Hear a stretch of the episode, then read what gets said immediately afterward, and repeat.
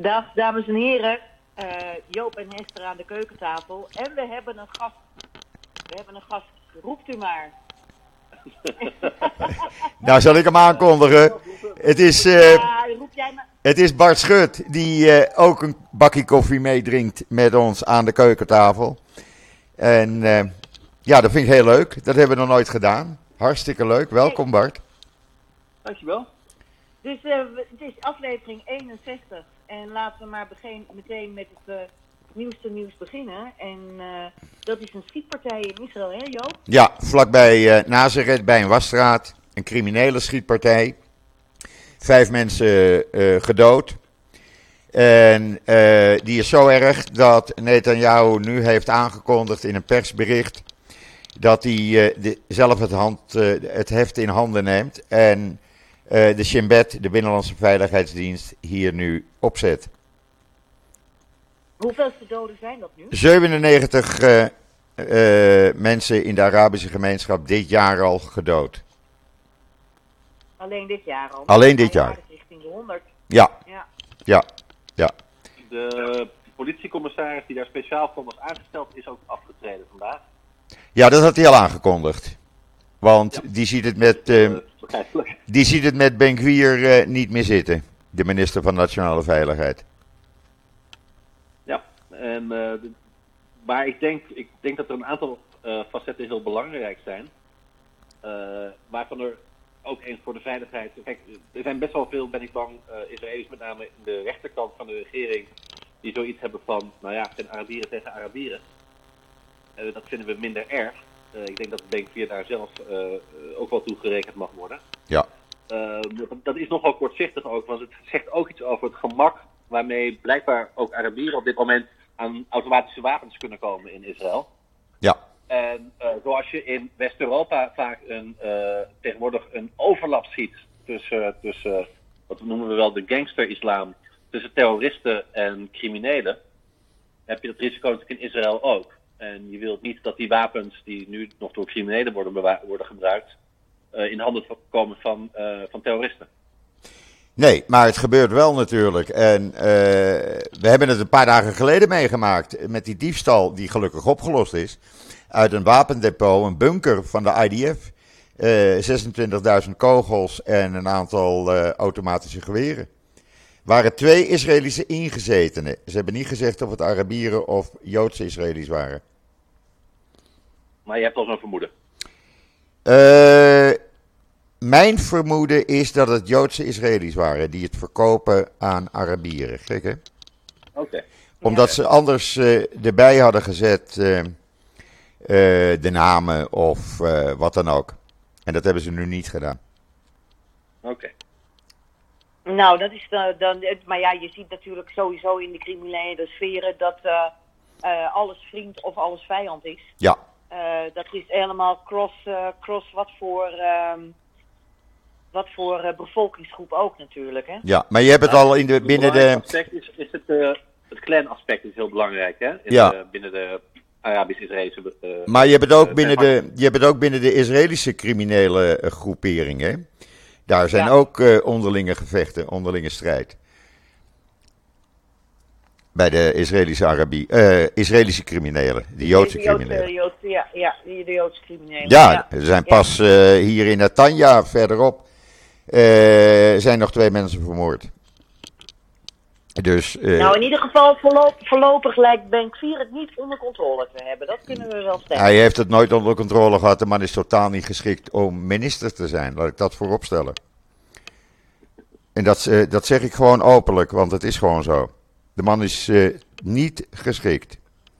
De man is alleen maar bezig met zijn eigen imago in zijn extreemrechtse wereldje. En voor de rest, wat er in Israël gebeurt, hij, hij wil wel op beeld, in de picture, maar dan staat hij te schreeuwen en te doen. En er gebeurt verder niks. En hij heeft, dat is vandaag uitgekomen in Haaretz, en dat is echt een schok hier in Israël. Wat blijkt dat hij heeft aangesteld als zijn adviseur voor politiezaken meneer Benzi Gopstein. En meneer Benzi Gopstein is een van de grootste racisten homohaters en extreem rechtse mensen die er rondloopt. Die is uh, door het Hoge Rechtshof verboden om aan, uh, in de Knesset te zitten, dus in, in de politiek te gaan.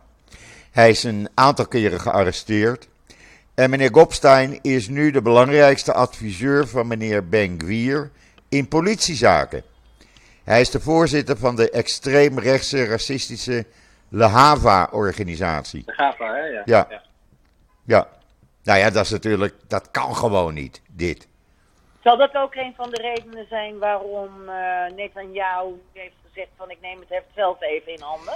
Nou, weet je wat ik denk, wat Netanyahu aan het doen is? Dat hij wat meer macht naar zich toe gaat trekken. En zoals hij dat vroeger als premier ook altijd deed. Hij was te veel uh, uh, afhankelijk van die extreemrechtse en ultra-orthodoxe partijen. En dat gaat natuurlijk volkomen mis. Dat gaat hartstikke fout. Het land is verdeeld. Uh, en dit kan niet. Dit moet gestopt worden. En ik merk, ook door de uitspraken van bijvoorbeeld zijn directeur van zijn bureau op de radio. wanneer was het? Gisterochtend. dat het, de juridische hervormingen zoals gepland voorlopig in de ijskast uh, zijn gedaan. Dat gaat niet door. En men is dicht bij een overeenstemming tussen oppositie en coalitie. In die besprekingen bij uh, president Herzog thuis. En dat zou erop neerkomen dat zeer tegen de zin van meneer Levin, de minister van Justitie, de commissie benoemd gaat worden die de rechters gaat uh, benoemen. Uh, dat wil Levin niet, dat maakt geen deel uit van zijn plan. Uh, en in die commissie kom, komt ook iemand van de oppositie uh, te zitten. Die is al benoemd. En die gaat er ook plaats in nemen. En dat betekent dat de invloed van de regering in die commissie dus minder is geworden. En eigenlijk. Wacht even, Jos, dat is toch, dat is toch, dat is toch de, dat is niet, dat is de commissie die al bestond dat is nog niet een, een, een, een nieuw voorstel. Dat is gewoon de invulling, de nieuwe invulling van de benoemingscommissie. Benoemingscommissie, ja. jarenlang al bestaat. Ja, maar daar zou niemand van de. Dat is een van de voorstellen om daarvan af te raken. Ja, maar er zou geen, geen oppositielid in uh, zitting nemen. En dat gebeurt nu wel. En dat is natuurlijk een goede zaak.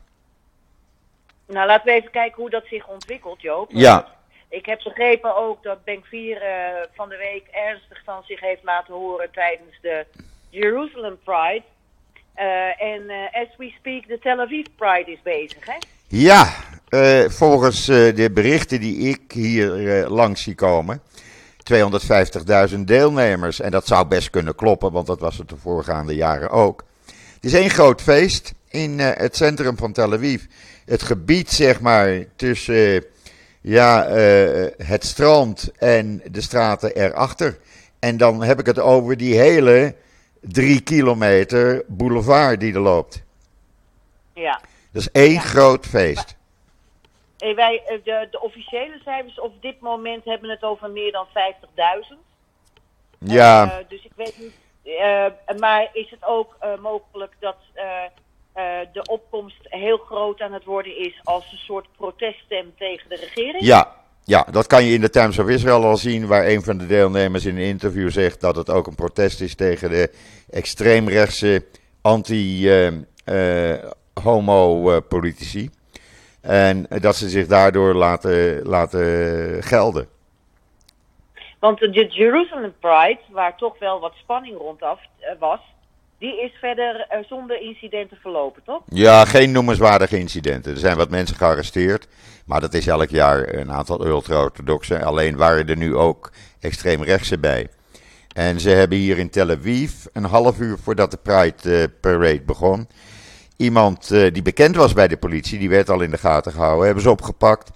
Die volledig uitgerust was met allerlei steekwapens en uh, nou ja, noem maar op, van alles en nog wat vloeistoffen om uh, deelnemers aan te vallen. Maar die zit vast. Die hebben ze dus op tijd te pakken gehad? Ja, die hadden ze in de gaten. Ja. Wat wel elk jaar opvalt, is dat er bij de uh, Tel Aviv Gay Parade altijd duizenden Arabieren uit verschillende Arabische landen komen. Ook uit de Palestijnse gebieden.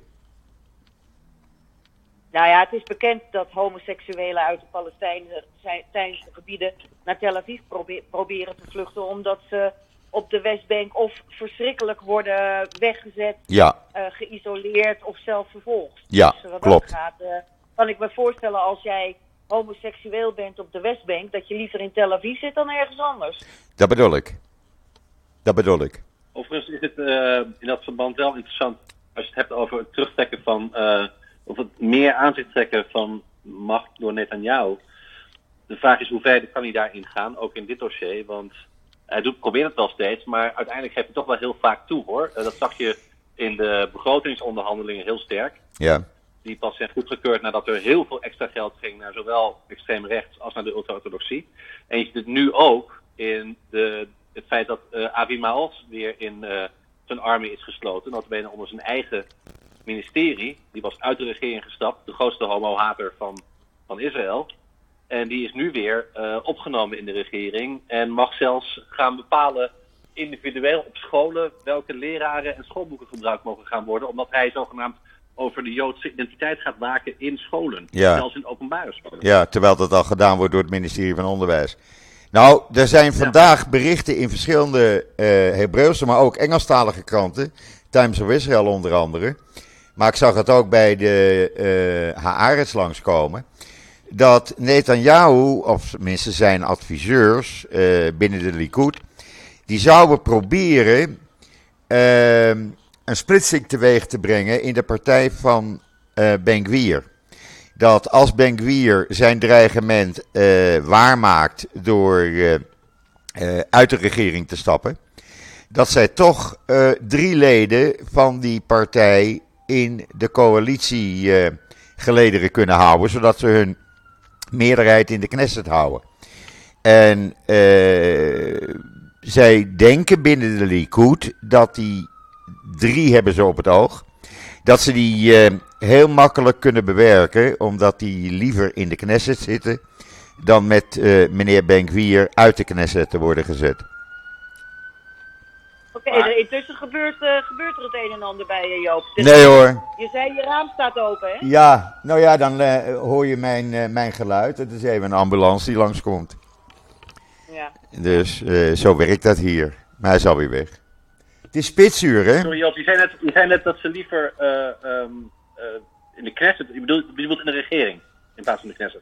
Nee, in de Knesset, want eh, de Likud wil dat eh, de coalitie de Knesset-meerderheid van 64 of 63 zetels houdt. ja. Maar je kunt toch niet, je kunt toch niet ik uit de Knesset zetten? Nee, maar Benkwier maakt zijn dreigement bijna dagelijks waar van ik, eh, stop, ik stop ermee, ik stap uit de regering. Uit de regering, ja precies. Ja, en dan kunnen ze zeggen, oké Benkwier, stap jij maar uit, we hebben jou niet meer nodig, doei, geen minister meer. En dan, eh, ja, dan hebben ze drie andere leden van zijn partij eh, bewerkt, die dan eh, wel blijven meedoen. Die toch blijven zitten. Ja. Ja, Ja, we weten allemaal dat, dat Israëlische Knessetleden hun zetel ook wat meer als een persoonlijk eigendom beschouwen, vaak Ja. dan als een partijfenomeen. Ja. het gaat meer Vaak om, eh, wel om- ja, van, de meerderheid wordt dan wel eh, wat kleiner. Zeker ook als je denkt, luistert naar de toch wel eh, kritiek ook binnen Likud. Eh, over bijvoorbeeld over de, plannen, maar ook over andere zaken. Hè, die loopt natuurlijk wel het risico als je, dat je begint af te brokkelen, zoals ook de vorige regering langzaam afbrokkelde toen de leden van, eh, van Bennett's partij langzaam maar zeker eh, de boel opgaven. En dat leidde uiteindelijk wel tot de val van de regering. ja, nou ja, dat is hetzelfde wat de Likud nu probeert te doen. Wat de Likud bij Bennett Lapid deed, hè, met leden, dat doet de Likud nu met extreem rechts. Want ik denk dat ze dat ook met Smotrich eh, gaan doen, want het begrotingstekort eh, is weer opgelopen. Dat kwam neer, ik heb het even omgerekend, op ruim 2,7 miljard euro op dit moment. En dat ja, een- daar maken wij ons in Nederland niet zoveel zorgen Nee, over. hoor, Joop, dat is, eh, dat is, dat is, Peanut. dat is goed te doen hoor. nou. Hier niet, want het blijft elke maand stijgen namelijk. De belastinginkomsten die lopen terug, enorm terug. Onroerend goedbelasting loopt enorm terug. Terwijl ze een begroting hebben gemaakt die vele malen meer uit gaat geven dan we de afgelopen jaren hebben gezien. Oké. Dus uh, ja, en meneer uh, Smotrich is natuurlijk ook niet uh, leuk ontvangen in Frankrijk. Waar hij uit alle macht had geprobeerd afspraken met Franse politici te krijgen en ministers. En iedereen. Nee, die kregen niet. Nee, die kregen niet. Iedereen heeft hem geboycott. Ja. iets vergelijkbaars gebeurde ook in New York. En waardoor de, een van de dat weet je, moet je voorstellen, een lid van de regering zijn middelvinger op straat opstak tegen Joodse demonstranten. Ja. Dat is een beetje het niveau waar we het nu over hebben. Er waren Joodse demonstranten in New York tegen extreem rechts. En die kregen de middelvinger van een Israëlisch lid van de Israëlische regering. Dat ja. was uh, niet erg, uh, erg fraai wat daar gebeurde. Nee, kijk, uh, de demonstraties zijn nog steeds wekelijks aan de gang. Er zijn demonstraties dagelijks bij kantoren van politici, bij huizen van politici. Er wordt dagelijks gedemonstreerd. En ja, dat is natuurlijk geen goed imago voor Netanyahu. Daarnaast heeft hij een probleem met Amerika, want hij is nu vijf maanden premier. En hij wordt maar niet uitgenodigd door Biden. Terwijl dat gebruikelijk is na de eerste maand. Maar ze willen hem niet. En uh, er komt steeds meer kritiek van Biden op zijn beleid. Dus hij moet wat veranderen.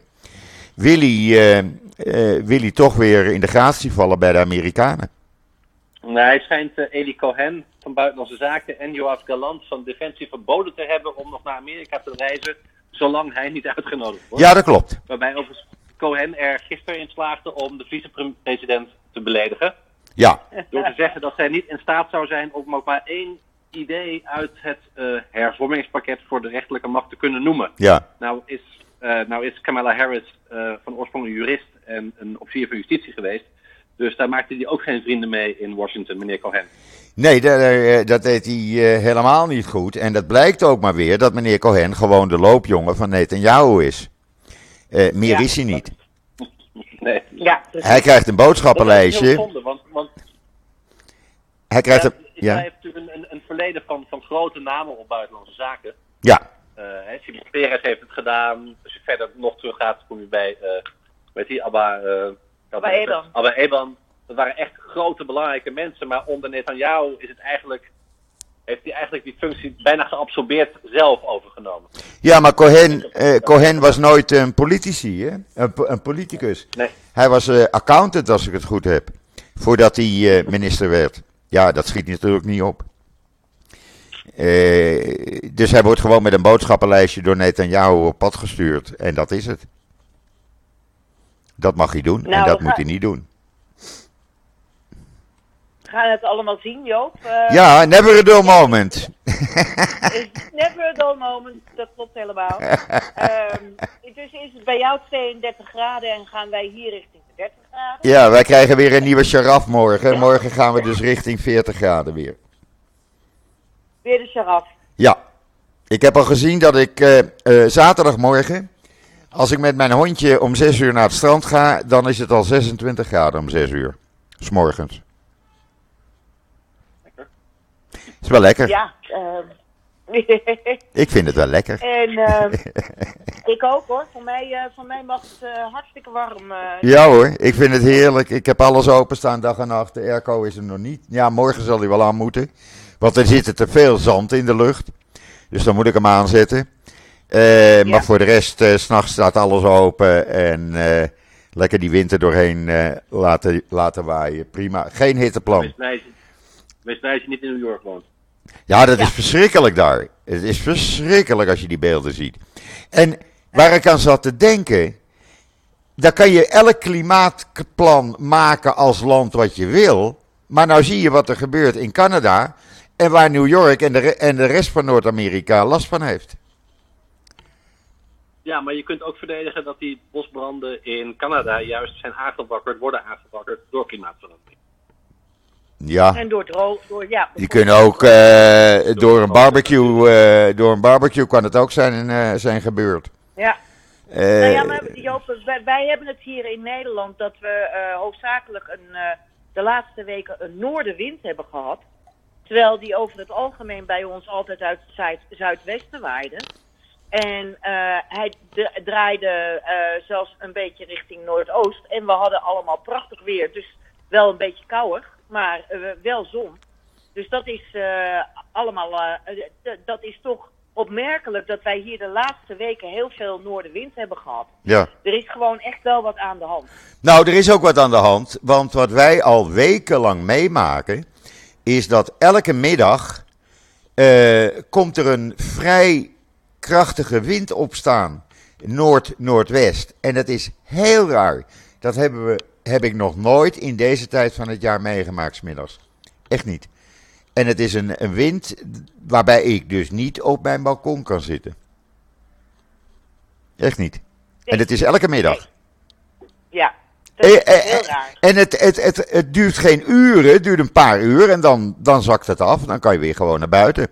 Heel raar. Heel raar. Dus er is wel Nou ja, iets aan de hand. Dat blijven we allemaal volgen in ieder geval. We weten eh, eh, in ieder geval dat hier in Nederland, dat hoor je ook hele, maar dat, is, dat heeft verder eigenlijk weinig met onderwerpen over de podcast te maken. Maar de, de, eh, aan de ene kant eh, was er zoveel regen gevallen van het voorjaar dat we geen last meer hadden van, eh, van watertekort. En, van, eh, en aan de andere kant heeft iedereen het toch weer over de droogte. Dus eh, ik kan er geen pijl meer op trekken, moet ik eerlijk zeggen. Nee, ik ook niet. Ik ook niet. Maar En, zullen we even doorgaan met nog wat andere onderwerpen? ja, want er staat, heel hebt, wat, eh, eh, er staat heel wat interessants in het NIW. Toch? de- ja, opnieuw. Ja. Eh, Bart, he- Bart heeft het over bijeen, bijvoorbeeld, Ja. deze week. Een uitstekend artikel.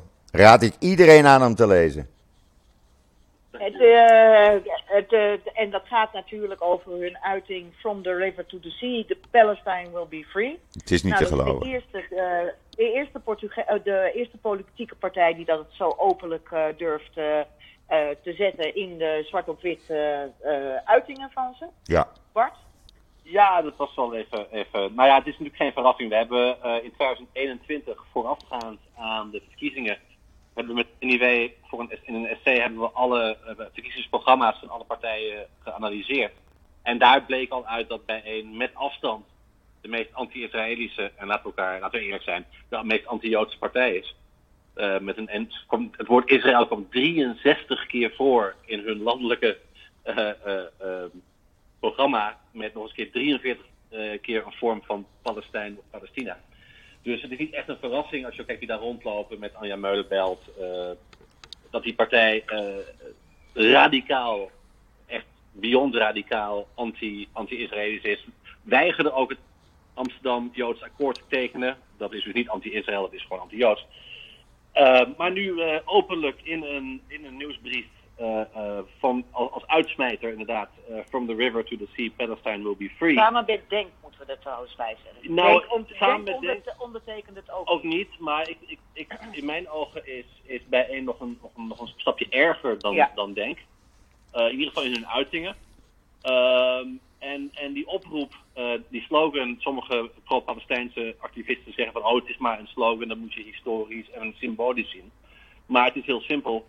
Eh, Als er een Palestina is van de rivier op de zee, is er, zijn er geen Joden meer in het Midden-Oosten. Dat is heel simpel. Daar is geen ruimte voor. Eh, er is in ieder geval geen Joodse staat meer. Dat Er is is geen Joodse staat meer. Als er geen Precies. Joodse staat is, zijn er ook geen Joden meer. Nee. Daar moet je gewoon heel eerlijk over zijn. Want de Joodse staat is de enige garantie voor het voortbestaan Ja, van het Joodse volk in in, het Midden-Oosten. Ja. Dus dat is, ze roepen dus eigenlijk op tot een, op zijn minst tot een gigantische etnische zuivering van 6 miljoen personen. En dat durf ik er zelf nog bij te zeggen, eh, als je kijkt hoe Hamas die slogan interpreteert. Of erger nog dan een etnische zuivering alleen. En dan mag je zelf invullen wat het is. En Maar wat zegt meneer Rutte hierover dan? Niets. Of Nou, andere, dit- dit- andere Nederlandse politici? Nee joh, dit is helemaal geen, dit is, dit is op dit moment niet zo'n heel grote We zitten issue. natuurlijk maar met één zetel in de Kamer. Hè? Dus, eh, eh, en je moet natuurlijk ook het uitkijken. Kijk, wij moeten, wij moeten het wel melden. Maar, eh, want het is, da- daarvoor zijn we het Joods Blad van Nederland.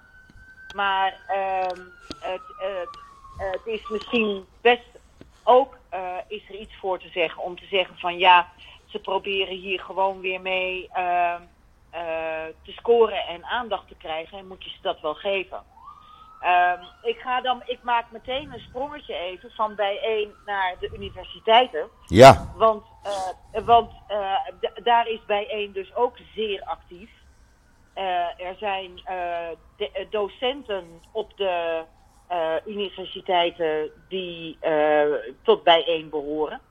En ja, nou ja, daar hebben we dus een keer een overview van gemaakt. Ruben Giesler, onze collega, heeft daar eh, heel veel boven water getikt. En eh, het is een, ehm, een, een trend op alle Nederlandse universiteiten, van Maastricht tot Groningen en van eh, Leiden tot Amsterdam, om eh, vooral tijdens de NACBA-herdenking allerlei ehm, eh, ja, pro-Palestijnse meetings te organiseren die eh, zo radicaal zijn dat het gewoon niet meer leuk is. En eh, je, je kijkt tegenwoordig, eh, laat ik het zo zeggen, als ik een Joodse student zou zijn op een universiteit nu, dan zou ik wel drie keer nadenken voordat ik mijn mond open zou trekken om een ander geluid te laten horen.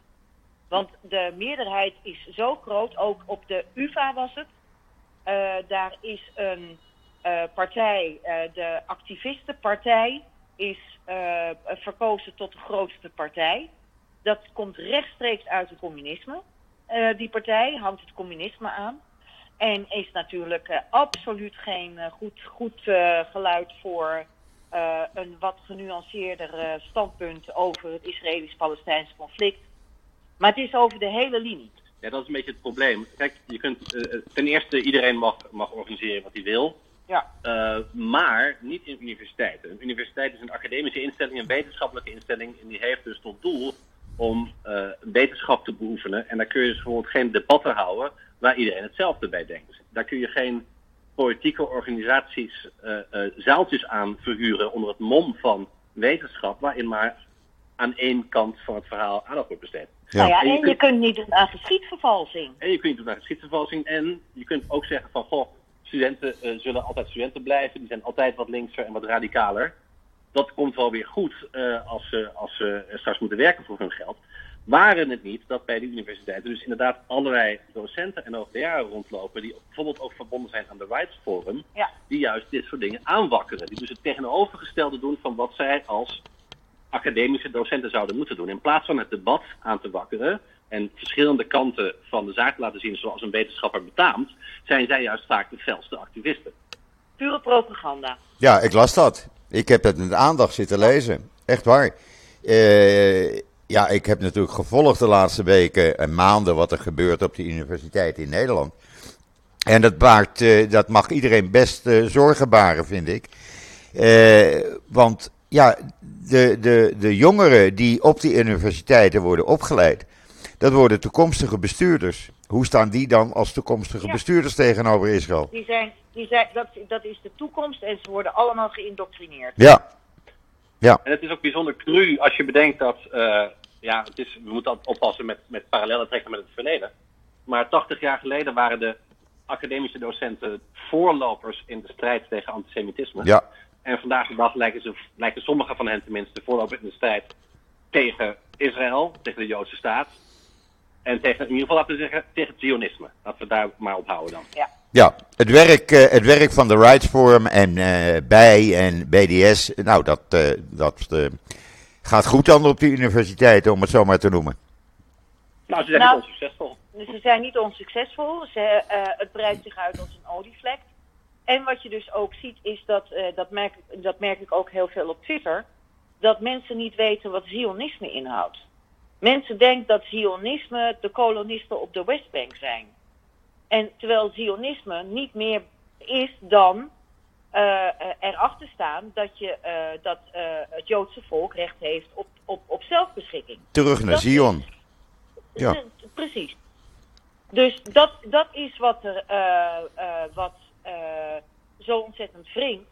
Dat is ook wat er zo steeds zo wringt aan eh Zionisten. Hè. We hebben dat ook bij de Pax-bijeenkomst gezien. Ge, ge- ge- eh, gezien. Dat eh, iemand eh, sprak over eh, de Jews. En toen zei iemand van ja, je mag het niet over Joden hebben. Of eh, iemand noemt het woord Joden. En toen was het nou Zionisten dan van mijn part. Weet je? Het, Ja. het, eh, men ziet het eh, eh, eh, één op één. Je weet wie dat trucje heeft uitgevonden, hè? Die de eerste was die dat deed. Nee. Niet Joden zeggen maar Zionisten. Dat gebeurde in de jaren 30 in Duitsland. Daar is men ermee begonnen. De nazi's zijn begonnen toen ze nog niet openlijk machtig genoeg waren om het te doen om het woord Jood te vervangen voor Zionist. Aha. Dus dat is helemaal ook niks nieuws. Een van de aspecten die daarin, dat dat stipte Esther al even aan, misschien nog wel het allerergste is, is dat in een tijd waarin we het allemaal hebben over sociale veiligheid, over inclusiviteit, over diversiteit, over eh, iedereen moet zich veilig in zijn vel kunnen voelen, onafhankelijk van zijn geloof, etnische afkomst of gender, dat daar blijkbaar één, één grote uitzondering voor, Ja, betaalt, ja. voor bestaat.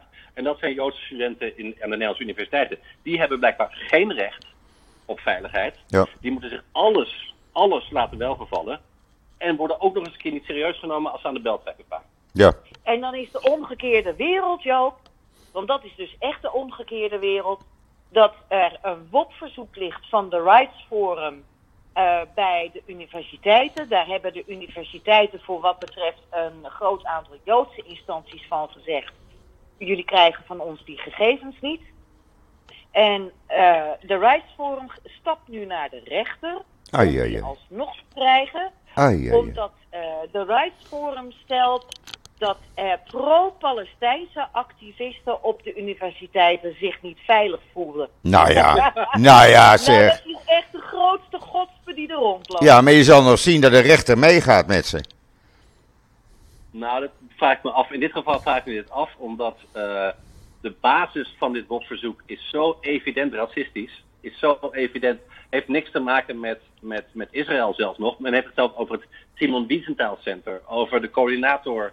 Edo antisemitismebestrijding, Donor. Donor. Dus het gaat helemaal niet over contacten met Israël meer. Het gaat over contacten met Joden. En daarin, Joodse organisaties. Joodse organisaties. Ja, Wij ja. worden ook genoemd. Wij worden genoemd. Wordt genoemd, weet je. Dus daar eh, vliegt, daar vliegt het eruit voor hem zodanig uit het. CEO, het Centraal Joods Overleg. Ja. Je mag hopen dat de rechter dat ook inziet en zegt van jongens, dit is zo ver voorbij het spectrum van wat normaal is in een WOP-verzoek. Hier gaan wij niet in mee. Ik, dat hoop ik in ieder geval. Ik, je mag het hopen. het, het- het is in ieder geval de omgekeerde wereld. Ja. Bij, eh, bij het artikel ook en ook bij eerdere artikelen en ook bij contacten die ik nog niet beschreven heb, eh, eh, eh, moet ik echt zeggen van ik beloof je, ik ga zitten, ik neem je, geef je naam niet vrij. Je bent en blijft anoniem bij mij, zolang ik maar weet eh, wat je naam is. Eh, de hoofdredactie moet altijd weten wat de namen zijn, ook van onze artikelen. Dus, dus eh, maar eh, het feit alleen al dat er zo weinig mensen met naam en toenaam ehm, eh, willen verklaren in het NIW, dat zegt al meer dan voldoende. Ja. Ja, terwijl als je een zaaltje wil huren in een universiteit in Nederland om daar een anti-Israëlisch debat te houden, mag je dat doen onder de naam Sami, Sammy- de, Sammy de Palestijn, was het toch? Nee, Sammy de BDS'er. Sammy de BDS'er. Sammy de. BDS'er. En dan is er nie- niemand bij de universiteit van wie, bij wie een lichtje gaat branden. Van, we, hebben, de- we, hebben, we hebben die, die identiteit van die man die dus een zaaltje gehuurd heeft op de, eh, op de universiteit, hebben we tot op, he- tot op heden niet kunnen achterhalen. Niet te geloven dit. Sammy de BDS'er. Het is niet te geloven. Het is echt de wereld op zijn kop. Nou ja, vier pagina's deze week in het NIW. Ja. En eh, dan vraag je je dus inderdaad, begin je je af te vragen eh, in hoeverre meningen en feiten door elkaar beginnen te lopen, eh, ook op universiteiten. En in dat kader, het is een leuk bruggetje, was ik dus zondag bij een middag met Simon Sharma in de Bali. En hij heeft een boek geschreven over ehm, vaccinatie door de eeuwen heen. En eh, eh, de rode lijn van dat boek, hè, de beroemde Simon Sharma, hè, ook van eh, History of the Jews en eh, eh, eh, ja, fantastisch schrijver en fantastisch verteller ook nog een keer, want je stopt er een dubbeltje in en er komt 100 euro uit. Ja. Fantastische kunstserie. Ja, fantastische kunstseries. De man is geniaal. Eh, maar hij heeft eh, zijn boek eh, History of the World, of History of the Jews, part 3, even on hold gezet. Omdat hij absoluut een boek wilde schrijven over de geschiedenis van vaccinatie. Waar je precies dezelfde primitieve reacties eeuwen geleden zag. Als het ging om vaccinatie tegen cholera, tegen de builenpest. enzovoorts, enzovoorts. Ehm, onder degene, de wetenschappers die al die vaccinaties hebben uitgevonden, heel veel Joden, onder meer Hafkin. Dat is de held van Shama's boek. En dat vond ik erg leuk, omdat jij, Bart, in onze serie Wetenschappers ooit deel 1 hebt geschreven. En dat was over. Waldemar Hafkin. Ehm, de man die eh, in India tienduizenden, honderdduizenden levens heeft gered door persoonlijk mensen te vaccineren. Waarbij hij altijd eerst zelf eh, op het dorpsplein zich inspoot om te laten zien aan de bevolking, die natuurlijk ook sceptisch was, eh, dat het veilig was. Eh, maar je kunt ook Jonas Salk noemen bijvoorbeeld. Ik bedoel, we hebben zo, als we het over polio hebben. Joodse wetenschappers hebben natuurlijk sowieso een gigantische bijdrage aan medische wetenschap geleverd. Maar dit zijn twee voorbeelden van mensen die echt miljoenen en tientallen miljoenen levens hebben gered. Maar die wel in hun tijd, ook Salk nog, maar vooral Hafkin, in zijn tijd, dan hebben we het over de tweede helft van de 19e eeuw, uh, ernstig werden te maken kregen met, met antisemitisme. En ja, vanuit het British establishment. Vanuit het, van het Britse establishment. En het grappige is dat daar, daar ligt weer een, ook weer een, uh, een parallel met uh, de antifaxers nu rond COVID. Waar natuurlijk ook heel veel antisemitisme voorkomt in de verschillende complottheorieën over, over deze pandemie. En over de, wat we ze willen inspuiten allemaal. Dat is allemaal een ja, groot Joods complot. Um, we kunnen heel blij zijn dat Bill Gates niet Joods is. Ja. Want dan waren we helemaal klaar. de hele wereld micro-nanobots inspuiten. Ja. ja. En heeft zelf COVID veroorzaakt. En dat maar in ieder geval, het is een heerlijk boek. En um, uh, er zat toevallig naast mij een, een antifax dame. Die steeds geïrriteerder werd uh, terwijl uh, Shama sprak. Nou, hoe dat allemaal is afgelopen, dat moeten jullie maar in het artikel lezen, want we geven niet alles weg. Maar de grote uitspraak van Shama vond ik, kennis is niet democratisch. En dat is wat je hebt gezien ook met die hele COVID-zaak, dat um, uh, kennis gelijkgesteld werd aan uh, bijgelovige meningen. En dat is een invloed van internet. Uh, dat je tegenwoordig geen kennis meer hoeft te hebben. Maar als, uh, als jij een mening ziet waarvan jij denkt: Goh, ik hoef niet. Of uh, ik, ik heb het niet zo op die, op die vaccinatie. Dan zul je altijd meningen vinden die dat staven, maar nooit wetenschap. En dat, en, en dat is dus waar, waar hij ook zegt: kennis is niet democratisch. Wetenschap is niet democratisch. Je begint met feiten en daarna komen de meningen. En dan komen we dus ook weer terug op die universiteiten hier in Nederland. Waar dus ook precies hetzelfde begint, uh, gaande is. Men heeft een mening over het meest gecompliceerde uh, uh, conflict ter wereld. En denkt dat het lezen van uh, twee boeken of een paar krantenartikelen, dat je daarmee de kennis in huis hebt, terwijl je dat niet hebt. Uh, dus wat dat er gaat, die parallellen vielen deze week heel erg mooi met elkaar te trekken in dit NIW. Ja, daarom, daarom vond ik deze NIW ook uh, zeer fascinerend deze week. Echt waar. Ik heb hem uh, gisteravond al mogen inzien. Heb ik ook met aandacht gedaan, een paar uur lang. En ja, ik vond hem geweldig. Echt waar. We moeten als, we moeten als journalisten daarbij overigens de hand in eigen boezem steken omdat als je nu. Ik zag daar een heel mooi voorbeeld van op Twitter. Het gaat over die, die wat er gebeurt in, in Gersel nu, het doorbreken van de dam in de Dnipro. Uh, daar kun je over schrijven. En wat, wat gebeurt er dan tegenwoordig vaak? Dan geef je de Oekraïnse kant, die zeggen de Russen hebben het gedaan. En je geeft de Russische kant, die zegt de Oekraïners hebben het gedaan. En dat is ons bericht.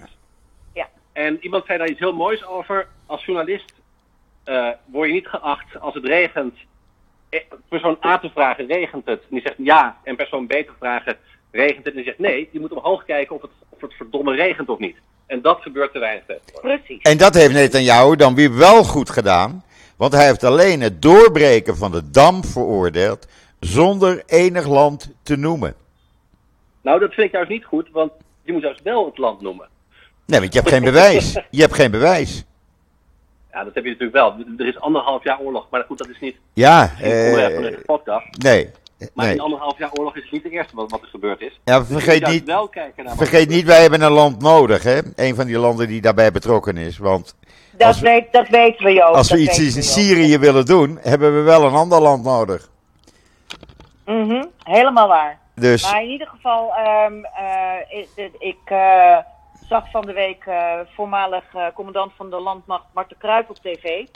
En eh, die zei ook van dit moet een inside job geweest zijn, want dit moet zeker, je hebt geloof ik zeker drie ton TNT nodig om, eh, om die dam op te blazen.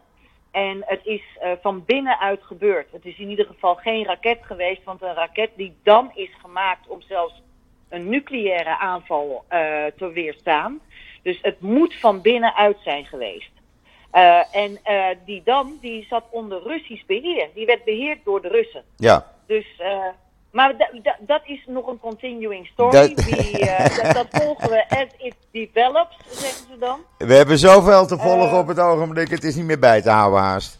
Echt niet. Nee, dat klopt. Dat klopt. En we hebben ook nog natuurlijk een heel bijzondere cover deze week.